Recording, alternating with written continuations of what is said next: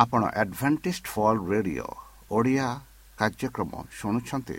ଅଧିକ ସୂଚନା ପାଇବା ପାଇଁ ଆମ ସହ ସଂଯୋଗ କରନ୍ତୁ।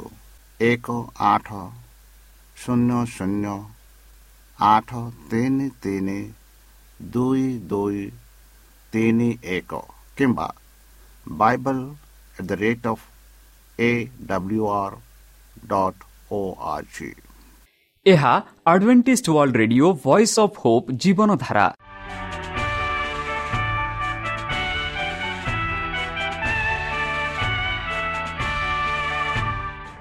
ଓଡ଼ିଆ ରେଡିଓ କାର୍ଯ୍ୟକ୍ରମ ଯାହା ଆମର ଆନ୍ତର୍ଜାତୀୟ ଆଘାତ କେନ୍ଦ୍ରରୁ ପ୍ରସାରଣ କରାଯାଉଛି ପ୍ରତିଦିନ ରାତି ନଅଟା ତିରିଶ ମିନିଟ୍ରେ।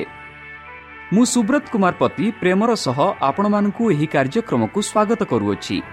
ଚାଲନ୍ତୁ ଆଜିର ତିରିଶ ମିନିଟ୍ର କାର୍ଯ୍ୟକ୍ରମ ବିଷୟରେ ଜାଣିନେବା। ପ୍ରଥମେ ରଖିଛୁ ଆଧ୍ୟାତ୍ମିକ ଭକ୍ତିମୟ ଗୀତ। ଏହାପରେ ଶୁଣିବା ସ୍ୱାସ୍ଥ୍ୟ ବିଷୟରେ ଭକ୍ତଙ୍କଠାରୁ ଜୀବନଦାୟକ ଈଶ୍ୱରଙ୍କ ବାକ୍ୟ। ପ୍ରିୟ ଶ୍ରୋତା ତାହେଲେ ଚାଲନ୍ତୁ ଶୁଣିବା ଏକ ଆଧ୍ୟାତ୍ମିକ ଭକ୍ତିମୟ ଗୀତ।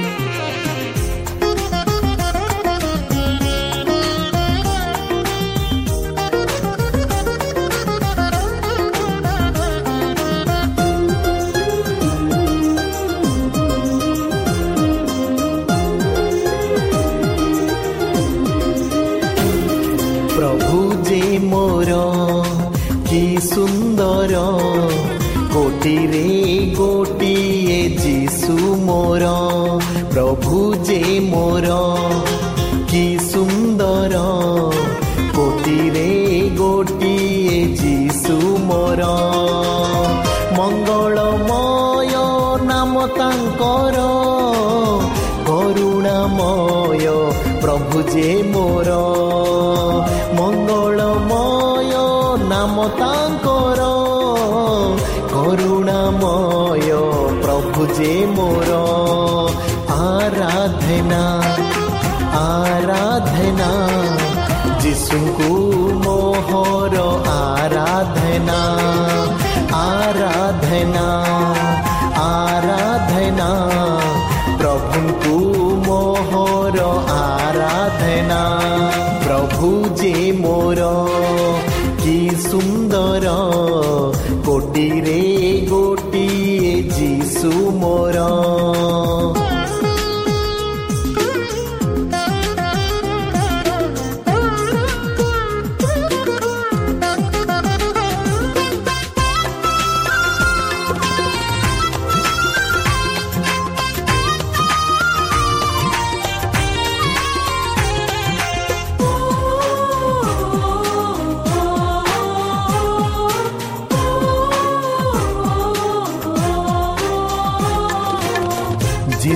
নামরে, ভূত যে ডরে, যিশু নামরে, ছোটা যে চালে।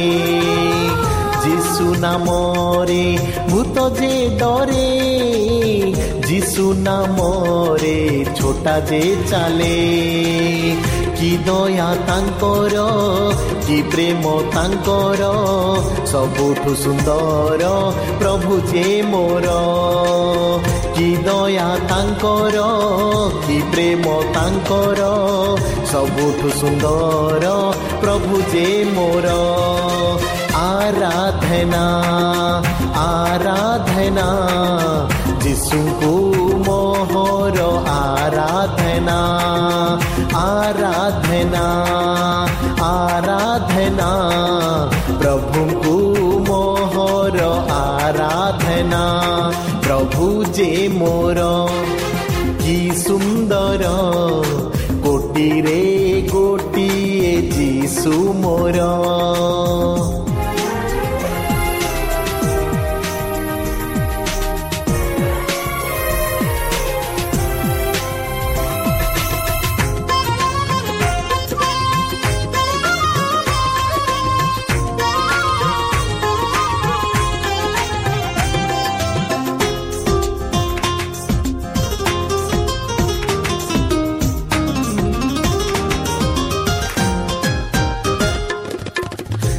ଯୀଶୁ ନାମରେ ଶାନ୍ତି ଯେ ମିଳେ ଯୀଶୁ ନାମରେ ମୁକ୍ତି ଯେ ମିଳେ ଯୀଶୁ ନାମରେ ଶାନ୍ତି ଯେ ମିଳେ ଯୀଶୁ ନାମରେ ମୁକ୍ତି ଯେ ମିଳେ କି ଦୟା ତାଙ୍କର କି ପ୍ରେମ ତାଙ୍କର ସବୁଠୁ ସୁନ୍ଦର ପ୍ରଭୁ ଯେ ମୋର କି ଦୟା ତାଙ୍କର କି ପ୍ରେମ ତାଙ୍କର ସବୁଠୁ ସୁନ୍ଦର ପ୍ରଭୁ ଯେ ମୋର। ଆରାଧନା ଆରାଧନା ଯୀଶୁଙ୍କୁ ମୋହର ଆରାଧନା ଆରାଧନା।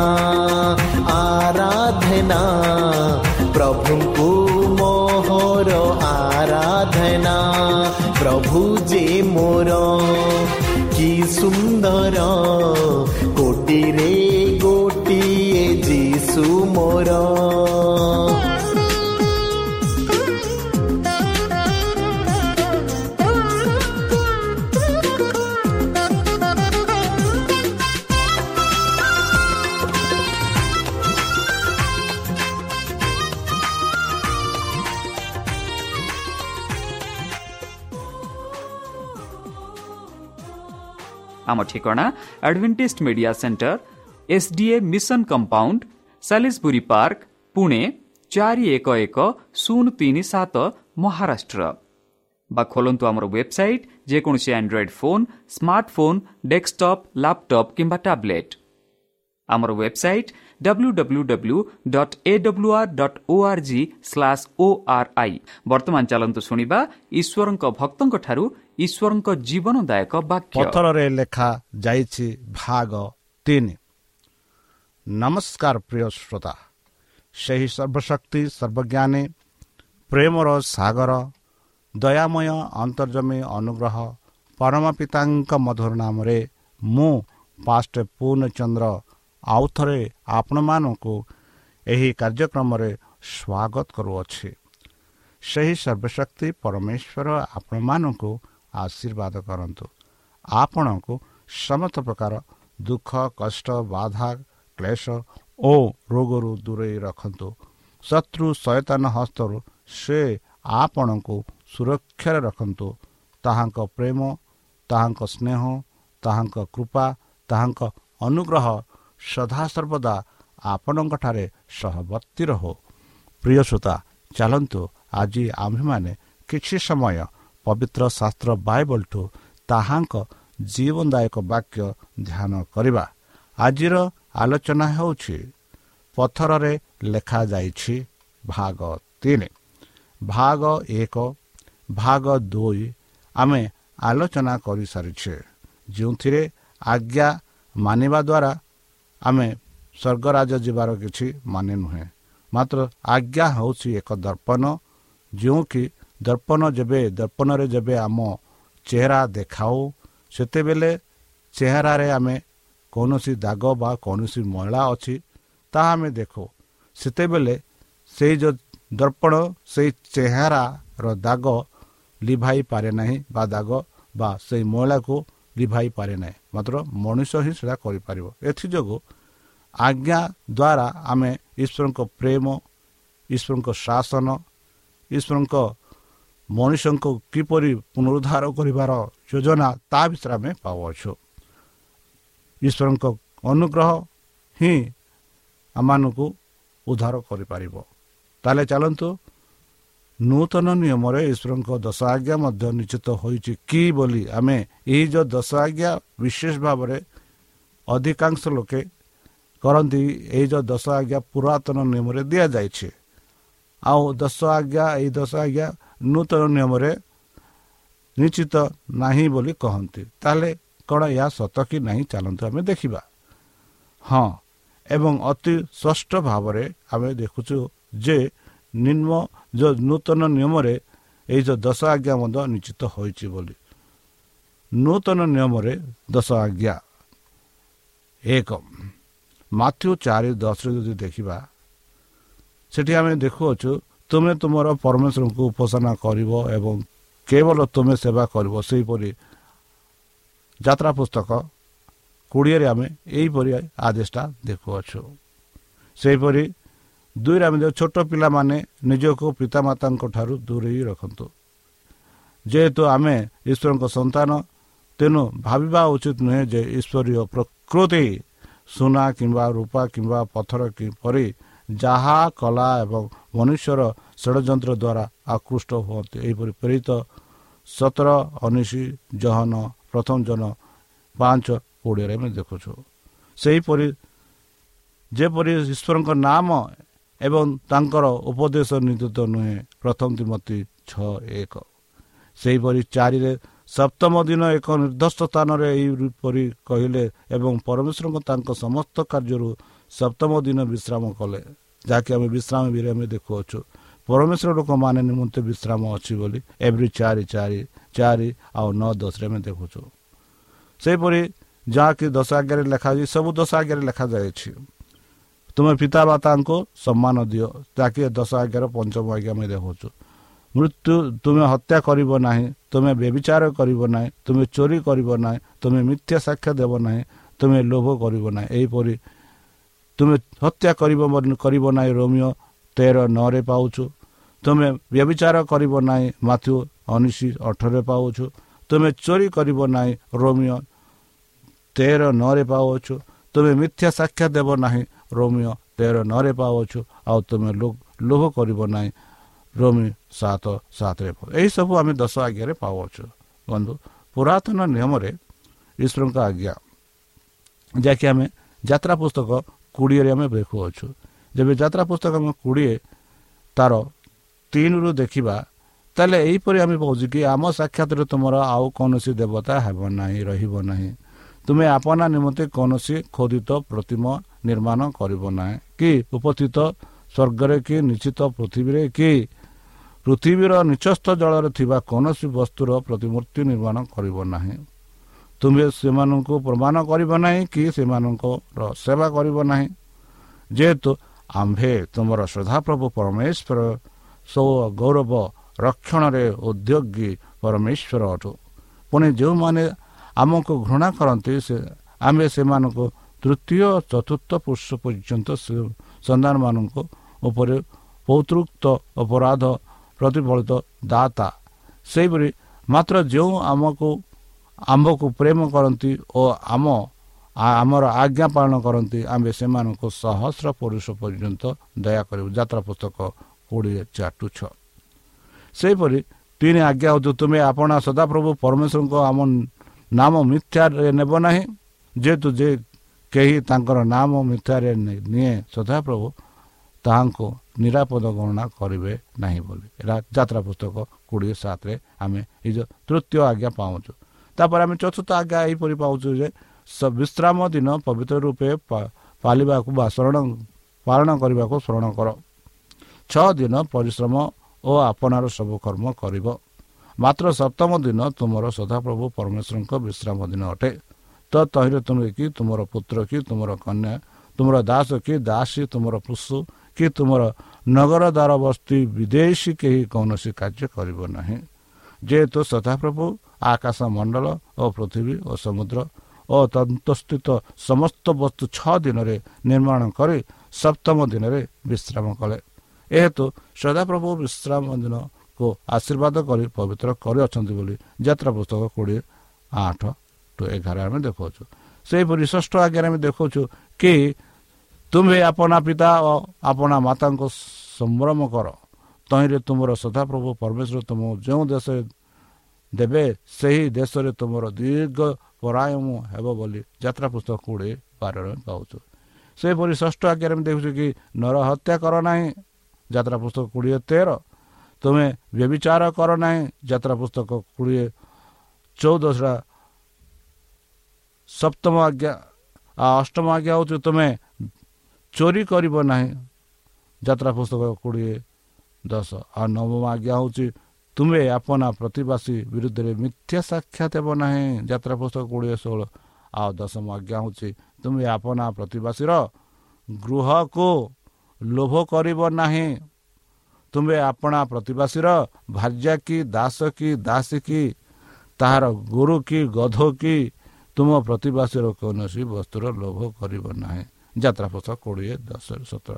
ତାହେଲେ ଯାତ୍ରା ପୁସ୍ତକ କୋଡ଼ିଏ ତିନି ଟୁ ସତର ଆମେ ଈଶ୍ୱରଙ୍କର ଦଶ ଆଜ୍ଞା ପାଉଛୁ ସେହିପରି ନୂତନ ନିୟମ ଆମେ ଦେଖିପାରୁଛୁ କି କିପରି ନୂତନ ନିୟମରେ ଏଇ ଯେଉଁ ଦଶ ଆଜ୍ଞା ପ୍ରକାଶ କରାଯାଇଛି। ତାହେଲେ ଏଇ ଯେଉଁ ଦଶ ଆଜ୍ଞା ନୂତନ ନିୟମରେ ମଧ୍ୟ ପାଳନ କରୁଥିଲେ ଆଉ ନୂତନ ପୁରାତନ ନିୟମ ମଧ୍ୟ ପାଳନ କରୁଥିଲେ। ଯେହେତୁ ଏହି ଆଜ୍ଞା ହେଉଛି ପରମେଶ୍ୱରଙ୍କର ଆଜ୍ଞା। ତାହେଲେ ଈଶ୍ୱରଙ୍କ ଆଜ୍ଞା ଏବଂ ମୂଷାଙ୍କ ଆଜ୍ଞା ସମାନ କି? ପରମେଶ୍ୱର ଆଜ୍ଞା ଦେଇଛନ୍ତି। ମଶା ବି କିଛି ଆଜ୍ଞା ଦେଇଛନ୍ତି। ତାହେଲେ ପରମେଶ୍ୱର ଆଜ୍ଞା ଆଉ ମଶାଙ୍କ ଆଜ୍ଞା ସମାନ କି? ମୋର ଉତ୍ତର ହେଉଛି ନାହିଁ। କାରଣ ପରମେଶ୍ୱର ଦଶ ଆଜ୍ଞା ଆପନା ଆଙ୍ଗୁଠିରେ ଲେଖିଲେ ଆଉ ମଶାକୁ ଦେଲେ। ଆଉ ଯେଉଁ ଆଜ୍ଞା ମଶା ଲେଖିଲେ ଯାହା ପରମେଶ୍ୱର କହିଲେ ସେହି ଆଜ୍ଞା ସବୁ ମଶା ଲେଖିଲେ। ସେଗୁଡ଼ିକ ସମାନ ନୁହନ୍ତି ଯାହାକି ଆମେ ନିମ୍ନଲିଖିତ ପ୍ରତିବାଦ ଗୁଡ଼ିକ ଅଧ୍ୟୟନ କରିବା। ଚାଲନ୍ତୁ। ମଶାଙ୍କ ନିୟମରେ ପୁରାତନ ନିୟମର ଆସ୍ଥାୟୀ ଅନୁଷ୍ଠାନିକ ଆଜ୍ଞା ରହିଥିଲା। ଏହା ପୁରୋହିତତା ବଳିଦାନ ରୀତିନୀତି ମାଂସ ଏବଂ ପନୀୟ ନୈବେଦ୍ୟ ଇତ୍ୟାଦି ନିୟନ୍ତ୍ରିତ କରିଥିଲା ଯାହାକି କୃଷର ପ୍ରତୀକ ଥିଲା। ଏହି ଆଜ୍ଞା ବୀଜ ଆଶୀର୍ବାଦ ଆସିବା ପର୍ଯ୍ୟନ୍ତ ଯୋଡ଼ା ଯାଇଥିଲା ଏବଂ ସେହି ବୀଜଟି ଖ୍ରୀଷ୍ଟ ଥିଲେ ବୋଲି ଗାଲାତୀୟ ତିନି ଷୋହଳ ଠୁ ଆଉ ଉଣେଇଶରେ ଆମେ ପାଉଛୁ। ମଉସାଙ୍କ ନିୟମର ରୀତିନୀତି ଏବଂ ସମାରୋହ ଖ୍ରୀଷ୍ଟଙ୍କ ବଳିଦାନକୁ ସୂଚିତ କଲା। ଯେତେବେଳେ ସେ ମଲେ ଏହି ଆଜ୍ଞା ସମାପ୍ତ ହେଲା କିନ୍ତୁ ଦଶ ଆଜ୍ଞା ସମାପ୍ତ ନୁହେଁ। ଚିରଦିନ ପାଇଁ ଦୃଢ଼ ଭାବରେ ଠିଆ ହୁଅ। ସେହିପରି ଗୀତ ସଂହିତା ଏକଶହ ଏଗାର ଆଠରେ ଆମେ ପାଉଛୁ। ଦାନିଏଲ ନଅ ଦଶ ଏଗାରରେ ପାଉଛୁ କି ଦୁଇଟି ଆଜ୍ଞାସ୍ତ ରହିଛି ବୋଲି। ବନ୍ଧୁ ମଶାଙ୍କ ଆଜ୍ଞା ଈଶ୍ୱରଙ୍କ ଆଜ୍ଞା। ମଶାଙ୍କ ନିୟମ କୁହାଯାଏ ପ୍ରଭୁଙ୍କ ନିୟମ ଆଜ୍ଞା କୁହାଯାଏ। ଯେପରି ଆମେ ମଶାଙ୍କ ନିୟମ ପ୍ରଭୁଙ୍କ ଆମର କୁହାଯାଏ। ତାହା ଆମେ କେଉଁଠି ପାଉଛୁ? ଲୁକ ଦୁଇ ବାଇଶ ଆଉ ଜିସାୟ ପାଞ୍ଚ ଚବିଶ। ମଶାଙ୍କ ନିୟମ ନିୟମ ଗୁଡ଼ିକର ଅନ୍ତର୍ଭୁକ୍ତ କୁହାଯାଏ। ଆଉ ଏ ଯେଉଁ ପ୍ରଭୁଙ୍କ ନିୟମ ରାଜ ନିୟମ ବୋଲି କୁହାଯାଏ। ମଶାଙ୍କ ନିୟମ ଏକ ପୁସ୍ତକରେ ଲେଖିଛନ୍ତି। ପରମେଶ୍ୱରଙ୍କ ନିୟମ ଏକ ପଥର ଉପରେ ଲେଖିଛନ୍ତି। ମଉସାଙ୍କ ନିୟମ ଜାହାଜ ପାର୍ଶ୍ୱରେ ରଖାଯାଇଛି ମାନେ ସେହି ପବିତ୍ର ସ୍ଥାନ ପାଖରେ ରଖାଯାଇଅଛି। ଆଉ ଈଶ୍ୱରଙ୍କ ଆଜ୍ଞା ଭିତରେ ଲେଖା ଲେଖାଯାଇଅଛି। ଯେଉଁ ନିୟମ ସିନ୍ଦୁର ଭିତରେ ଲେଖାଯାଇଛି ବୋଲି ଆମେ ଦେଖୁଛୁ। ଆଉ ଏଇ ଯେଉଁ ମଉସାଙ୍କ ନିୟମ କୃଷରେ ସମାପ୍ତ ହେଲା। ମାତ୍ର ପ୍ରଭୁଙ୍କ ଆଜ୍ଞା ସଦାସର୍ବଦା ଠିଆ ହେଲା ବୋଲି ଆମେ ଦେଖୁଅଛୁ ପାପ ହେତୁ ଯୋଡ଼ା ଯାଇଛି। ପାପ ହେତୁ ସୂଚିତ କରାଯାଇଛି ବୋଲି ଆମେ ଦେଖୁଅଛୁ ଆମ ବିରୁଦ୍ଧରେ ଆମ ବିରୁଦ୍ଧରେ କରା ଲଢ଼ା କରାଯାଇଛି ବୋଲି କହୁଛୁ। ମୋତେ ଭୀର ନୁହେଁ ବୋଲି ଆମେ ନୂତନରେ ଆମେ ପାଉଅଛୁ। ମାନେ ନୂତନ ଆଜ୍ଞା ଈଶ୍ୱରଙ୍କ ଆଜ୍ଞା କାହାକୁ ବିଚାର କରନ୍ତି ନାହିଁ। ମାତ୍ର ଏଠି ପରମେଶ୍ୱରଙ୍କ ଆଜ୍ଞା ସମସ୍ତଙ୍କୁ ବିଚାର କରେ। ମଶାଙ୍କ ଆଜ୍ଞା କାହାକୁ ବିଚାର କରନ୍ତି ନାହିଁ। ମାତ୍ର ପରମେଶ୍ୱରଙ୍କ ଆଜ୍ଞା ସମସ୍ତଙ୍କୁ ବିଚାର କରନ୍ତି। ସେପରି ମଶାଙ୍କ ଆଜ୍ଞା ମାଂସ ଈଶ୍ୱରଙ୍କ ଆଜ୍ଞା ଆଧ୍ୟାତ୍ମିକ ଆଉ ମଶାଙ୍କ ଆଜ୍ଞା କିଛି ସିଦ୍ଧ ନଥିଲା। ମାତ୍ର ଈଶ୍ୱରଙ୍କ ଆଜ୍ଞା ସମ୍ପୂର୍ଣ୍ଣ ସିଦ୍ଧ ଥିଲା। ତାହେଲେ ବନ୍ଧୁ ଏଇ ଯେଉଁ ଈଶ୍ୱରଙ୍କ ଦୋଷ ଆଜ୍ଞା ପରେ ଯେଉଁମାନେ ନିଜ ଜୀବନକୁ ଆଦର୍ଶ କରନ୍ତି ସେମାନଙ୍କ ବିଷୟରେ ଶୈତାନ କିପରି ଅନୁଭବ କରେ? ବନ୍ଧୁ ଅଜଗତର ଶୈତାନ ସେହି ସ୍ତ୍ରୀ ପ୍ରକୃତ ମଣ୍ଡଳୀ ଉପରେ ରାଗିଗଲା ଏବଂ ସେ ଅନ୍ୟ ସନ୍ତାନମାନଙ୍କ ସହିତ ଯୁଦ୍ଧ କରିବାକୁ ଗଲେ ଯେଉଁମାନେ ଈଶ୍ୱରଙ୍କ ଆଜ୍ଞା ପାଳନ କରନ୍ତି। ଦେଖନ୍ତୁ ବନ୍ଧୁ ପ୍ରକାଶିତ ବାକ୍ୟ ବାର ସତର। ଶୈତାନ ଯେଉଁମାନେ ଈଶ୍ୱରଙ୍କ ଆଜ୍ଞା ପାଳନ କରନ୍ତି ସେମାନଙ୍କ ବିରୁଦ୍ଧରେ ଲଢ଼େଇ କରିବା ପାଇଁ ଗଲା ବୋଲି ପ୍ରକାଶିତ ପୁସ୍ତକ ସତର ବାର ସତରରେ ଆମେ ଦେଖୁଛୁ। ଆଉ ଏଠି ମଧ୍ୟ ପାଉଛୁ ପ୍ରକାଶିତ ବାକ୍ୟ ଚଉଦ ବାରରେ କି ସାଧୁମାନଙ୍କ ଧୈର୍ଯ୍ୟ। ଆଉ ଏଇ ସାଧୁମାନେ ଯେଉଁମାନେ କି ଈଶ୍ୱରଙ୍କ ଆଜ୍ଞା ପାଳନ କରନ୍ତି ଆଉ ସେମାନଙ୍କୁ ସାଧୁମାନେ ବୋଲି କୁହାଯାଉଛି ଯେଉଁମାନେ ଈଶ୍ୱରଙ୍କ ଆଜ୍ଞା ପାଳନ କରନ୍ତି। ତାହେଲେ ଯେବେ ଆମେ ମାନେ ଈଶ୍ୱରଙ୍କ ଆଜ୍ଞା ପାଳନ କରିବା ତାହେଲେ ଆମେ ମଧ୍ୟ ପାଳନ କଲାବେଳେ ଧୈର୍ଯ୍ୟ ରଖି ଦେବେ କରି ପାଳନ କରିବା ଆମମାନଙ୍କୁ ମଧ୍ୟ ସାଧୁ ବନେ ବୋଲି ଗଣନା କରାଯିବ। ବନ୍ଧୁ ଯେଉଁମାନେ ଈଶ୍ୱରଙ୍କ ନିୟ ଆଜ୍ଞାକୁ ସମର୍ଥନ କରନ୍ତି ସେମାନଙ୍କୁ ସଚେତନ ଘୃଣା କରେ। କାରଣ ଆଜ୍ଞା ଠିକ୍ ଜୀବନଯାପନର ଏକ ନମୁନା ଉପସ୍ଥାପନା କରେ। ତେଣୁ ଆଶ୍ଚର୍ଯ୍ୟଜନକ ନୁହେଁ ଯେ ଈଶ୍ୱରଙ୍କ ନିୟମକୁ ସମର୍ଥନ କରୁଥିବା ସମସ୍ତ ସେ କଢ଼ା ବିରୋଧ କରନ୍ତି। ଈଶ୍ୱରଙ୍କ ପବିତ୍ର ମାନଙ୍କ ବିରୁଦ୍ଧରେ ତାଙ୍କ ଯୁଦ୍ଧରେ ସେ ଧାର୍ମିକ ନେତାମାନଙ୍କ ଦଶ ଆଜ୍ଞାକୁ ଅସ୍ୱୀକାର କରିବା ସହିତ ଏକ ସମୟରେ ପୁରୁଷମାନଙ୍କ ପରମ୍ପରାକୁ ସମର୍ଥନ କରିବା ପର୍ଯ୍ୟନ୍ତ ବ୍ୟବହାର କରନ୍ତି। ଏଥିରେ ଆଶ୍ଚର୍ଯ୍ୟର କଥା ଯେ ଯୀଶୁ କହିଥିଲେ ତୁମେ ତୁମର ପରମ୍ପରା ହେତୁ ଈଶ୍ୱରଙ୍କ ଆଜ୍ଞା କାହିଁକି ଉଲ୍ଲଙ୍ଘନ କରୁଛ? ବୃଥା ସେମାନେ ମୋତେ ଉପାସନା କରନ୍ତି ମନୁଷ୍ୟର ଆଜ୍ଞାକୁ ଶିକ୍ଷା ଦିଅନ୍ତି ବୋଲି ମାଥ୍ୟୁ ପନ୍ଦର ନଅରେ ଆମେ ଦେଖାଉଛୁ ଆଜିକାଲି ଆମ ସଂସାରରେ ମଧ୍ୟ ଅନେକ ଲୋକ ଅଛନ୍ତି କି ଈଶ୍ୱରଙ୍କର ଉପାସନା କରନ୍ତି ଈଶ୍ୱରଙ୍କ ପୂଜା କରନ୍ତି। ମାତ୍ର ଏଠି ଆମେ ପାଉଛୁ କି ସେମାନେ ବୃଥାରେ ସେମାନେ ଉପାସନା କରୁଛନ୍ତି ଯେହେତୁ ସେମାନେ ମନୁଷ୍ୟଙ୍କର ଆଜ୍ଞା ମାନ ଶିକ୍ଷା ଦେଉଛନ୍ତି ବୋଲି। ଏବଂ ଦାଉଦ କହିଲେ ହେ ପ୍ରଭୁ ତୁମର କାର୍ଯ୍ୟ କରିବାର ସମୟ ଆସିଛି କାରଣ ତୁମ୍ଭେ ସେମାନେ ତୁମର ନିୟମକୁ ଶୂନ୍ୟ ବୋଲି ବିବେଚନା କରିଛନ୍ତି ବୋଲି ଗୀତ ସଂହିତା ଏକଶହ ଉଣେଇଶ ତାର ଏକ ଟୁ ଛବିଶରେ ଆମେ ଦେଖୁଅଛୁ ବନ୍ଧୁ ଖ୍ରୀଷ୍ଟିଆନ ମାନେ ଜାଗତ ଜାଗ୍ରତ ହେବା ଉଚିତ ଏବଂ ଈଶ୍ୱରଙ୍କ ନିୟମକୁ ସେମାନଙ୍କ ହୃଦୟ ଏବଂ ଜୀବନରେ ସଠିକ୍ ସ୍ଥାନରେ ଫେରାଇ ଆଣିବାକୁ ଆବଶ୍ୟକ କରେ। ବନ୍ଧୁ ଆପଣ ବିଶ୍ୱାସ କରନ୍ତି କି ଯେ ଖ୍ରୀଷ୍ଟଙ୍କ ପାଇଁ ଦଶ ଆଜ୍ଞା ପାଳନ କରିବା ଜରୁରୀ? ହଁ ବନ୍ଧୁ। ବାଇବଲ କହିଛି ଯେ ଲୋକମାନଙ୍କ ତ୍ରୁଟିପୂର୍ଣ୍ଣ ଥିଲେ। ଈଶ୍ୱର ସେମାନଙ୍କ ସହିତ ଦୋଷ ପାଇଲେ ଏଭ୍ରି ଆଠ ଆଠ। ଏବଂ ରୋମିଓ ତିନି ଆଠ ତିନିରେ ବାଇବଲ କହେ ଯେ ଆଜ୍ଞା ଶରୀର ଦ୍ୱାରା ଦୁର୍ବଳ ଥିଲା ଏବେ ସର୍ବଦା ସେମାନଙ୍କ କାହାଣୀ ଆଜ୍ଞା ସମ୍ପୂର୍ଣ୍ଣ କିନ୍ତୁ ଲୋକମାନେ ତ୍ରୁଟିପୂର୍ଣ୍ଣ କିମ୍ବା ଦୁର୍ବଳ। ତେଣୁ ଈଶ୍ୱର ତାଙ୍କ ପୁତ୍ରଙ୍କୁ ତାଙ୍କ ଲୋକମାନଙ୍କ ମଧ୍ୟରେ ବଞ୍ଚିବାକୁ ଚାହାନ୍ତି। ଯେପରି ବ୍ୟବସ୍ଥାରେ ଧାର୍ମିକତା ଆବଶ୍ୟକତା ଆମ ଭିତରେ ପୂରଣ ହେବ ଏହିପରି ରୋମିଓ ଆଠ ଚାରିରେ ଆମେ ପାଉଛୁ। ବନ୍ଧୁ ନିୟମର ଅଭିଶାପ ହେଉଛି ମୃତ୍ୟୁ ବା ନିୟମର ବେତନ ହେଉଛି ମୃତ୍ୟୁ।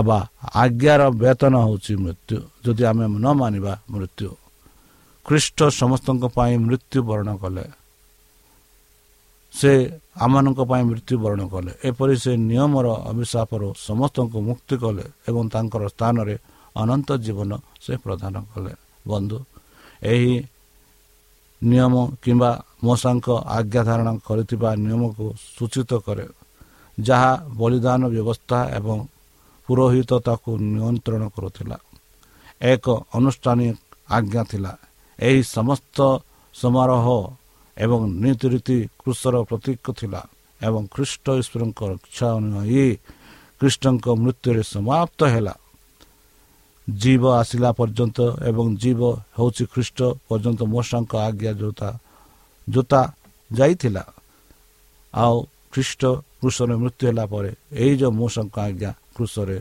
ଶେଷ ହେଲା। ବନ୍ଧୁ ଦଶ ଆଜ୍ଞା ଏହି ଦୁଇଟି ନିର୍ଦ୍ଦେଶରୁ ଝୁଲିଛି। ଯେହେତୁ ଆମର ଦୁଇ ଆଙ୍ଗୁଠି ଆମ ଦୁଇ ହାତରୁ ଝୁଲୁଟି ଝୁଲୁଛି ସେଇଗୁଡ଼ିକ ଅବିଚ୍ଛେଦ୍ୟ। ଈଶ୍ୱରଙ୍କ ପ୍ରେମ ଈଶ୍ୱରଙ୍କୁ ପ୍ରେମ ପ୍ରଥମ ଚାରୋଟି ଆଜ୍ଞା ପାଳନ କରିବା। ଯାହା ଆମେ ଏକ ଟୁ ଚାରି ଦେଖୁଛୁ। ଯାହା ଈଶ୍ୱରଙ୍କ ସମ୍ବନ୍ଧୀୟ ଏକ ଆନନ୍ଦଦାୟକ କରେ। ଏବଂ ଆମ ପଡ଼ୋଶୀ ପ୍ରତି ପ୍ରେମ ଶେଷ ଛଅଟି ଯାହା ଆମ ପଡ଼ୋଶୀ ବିଷୟରେ ଚିନ୍ତା କରେ ଏକ ଆନନ୍ଦ ପ୍ରଦାନ କରେ। ପ୍ରେମ କେବଳ ଆଜ୍ଞାର କଠିନ ଠାରୁ ଦୂର କରି ଏବଂ ଆଇନ ପାଳନକୁ ଆନନ୍ଦିତ କରି ନିୟମକୁ ପୂରଣ କରେ।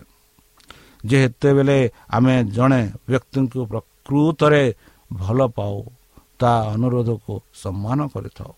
ଏକ ଆନନ୍ଦ ହୋଇଥାଏ। ଯୀଶୁ କହିଥିଲେ ଯଦି ତୁମେ ମୋତେ ପ୍ରେମ କରୁଅଛ ତାହେଲେ ମୋର ଆଜ୍ଞା ପାଳନ କର ବୋଲି ଜହନ ଚଉଦ ପନ୍ଦରରେ ଆମେ ଏହିପରି ପାଉଛୁ।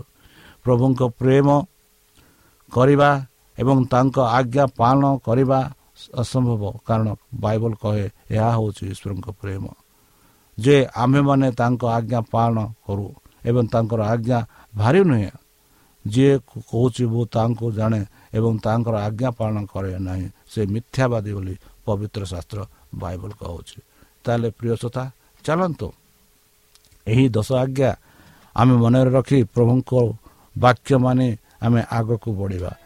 ଆମେ ସେହି ସ୍ୱର୍ଗରାଜ ଯିବା ପାଇଁ ପ୍ରସ୍ତୁତ ହେବା ଯେହେତୁ ଆମମାନଙ୍କ ସମସ୍ତଙ୍କର ବାସସ୍ଥାନ ହେଉଛି ସେ ସ୍ୱର୍ଗରାଜ୍ୟ। ଆଉ ସେ ସ୍ୱର୍ଗରାଜ୍ୟ ପାଇଁ ଏକ ଦ୍ୱାର ଖୋଲାଯାଇଛି ଯୀଶୁ ଖ୍ରୀଷ୍ଟଙ୍କ ଦ୍ୱାରା ଯଦି ଆମେ ଯୀଶୁ ଖ୍ରୀଷ୍ଟଙ୍କଠାରେ ବିଶ୍ୱାସ କରିବା ତାଙ୍କ ଆଜ୍ଞା ମାନିବା ନିଶ୍ଚିତ ରୂପେ ପରମେଶ୍ୱରଙ୍କର ଅନୁଗ୍ରହ ଦ୍ୱାରା ଆମେ ସ୍ୱର୍ଗରାଜ ଯାଇପାରିବା। ତାହେଲେ ଆପଣମାନେ ସେହି ସ୍ୱର୍ଗରାଜ ଯିବା ପାଇଁ ପ୍ରସ୍ତୁତ ଅଛନ୍ତି କି? ତାହେଲେ ଚାଲନ୍ତୁ। ନିଜକୁ ସମର୍ପଣ କରି ତାହାଙ୍କ ମଧୁର ନାମେ ଆମେ ପ୍ରାର୍ଥନା କରିବା। ହେ ଆମ୍ଭମାନଙ୍କ ସର୍ବଶକ୍ତି ସର୍ବଜ୍ଞାନୀ ପ୍ରେମର ସାଗର ଦୟାମୟ ଅନ୍ତର୍ଜମୀ ଅନୁଗ୍ରହ ପରମ ପିତା ଧନ୍ୟବାଦ ଅର୍ପଣ କରୁଛୁ ପ୍ରଭୁ ବର୍ତ୍ତମାନ ଯେଉଁ ବାକ୍ୟ ତୁମ ଭକ୍ତମାନଙ୍କୁ ଶୁଣାଇଲେ ସେହି ବାକ୍ୟ ଅନୁସାରେ ଏମାନଙ୍କୁ ଚାଲିବା ପାଇଁ ବୁଦ୍ଧିରେ ଜ୍ଞାନରେ ଶକ୍ତିରେ ପରିପୂର୍ଣ୍ଣ କର। ଆମ ପାପ ସବୁ ତୁମ ସେହି ବହୁମୂଲ୍ୟ ରକ୍ତରେ ପରିଷ୍କାର ରୂପେ ଧୋଇଦିଅ ଆଉ ପରିଶେଷ ଯେବେ ତୁମେ ତୁମ ସେହି ସହସ୍ରଦୂତଙ୍କ ସହ ଆସିବେ ସେତେବେଳେ ଆମମାନଙ୍କୁ ବାସସ୍ଥାନ ଦେବ ବୋଲି ତ୍ରାଣକର୍ତ୍ତା ପ୍ରଭୁ ଯୀଶୁଙ୍କ ମଧୁରମୟ ନାମରେ ଏହି ଛୋଟ ବିକ୍ଷମ ଅଛୁ ତୁମେ ଗ୍ରହଣ କର। ପ୍ରିୟ ଶ୍ରୋତା ଆମେ ଆଶା କରୁଛୁ ଯେ ଆମର କାର୍ଯ୍ୟକ୍ରମ ଆପଣମାନଙ୍କୁ ପସନ୍ଦ ଲାଗୁଥିବ। ଆପଣଙ୍କର ମତାମତ ଜଣାଇବା ପାଇଁ ଆମର ଏହି ଠିକଣାରେ ଯୋଗାଯୋଗ କରନ୍ତୁ ଆମ ଠିକଣା Adventist Media Centre SDA mission compound Salisbury Park Pune ଚାରି ଏକ ଏକ ଶୂନ ତିନି ସାତ ମହାରାଷ୍ଟ୍ର ବା ଖୋଲନ୍ତୁ ଆମର ୱେବସାଇଟ୍ ଯେକୌଣସି Android phone smartphone desktop laptop କିମ୍ବା ଟ୍ୟାବ୍ଲେଟ୍ ଆମର website W W W dot A W R dot O R G slash O R I ଏବଂ W W W dot Adventist Media Centre India dot O R G Adventist Media Centre ଇଣ୍ଡିଆର spelling ହେଉଛି A D V N T I S T M E D I A C N T R E I N D I A ଅଥବା download କରନ୍ତୁ ଆମର mobile app ଆପଣଙ୍କର mobile play ଷ୍ଟୋରକୁ ଯାଆନ୍ତୁ ଆଉ type କରନ୍ତୁ ଦ ଭଏସ୍ ଅଫ୍ ହୋପ୍ ଆଉ download କରନ୍ତୁ। ଈଶ୍ୱର ଆପଣଙ୍କୁ ଆଶୀର୍ବାଦ କରନ୍ତୁ। ଧନ୍ୟବାଦ।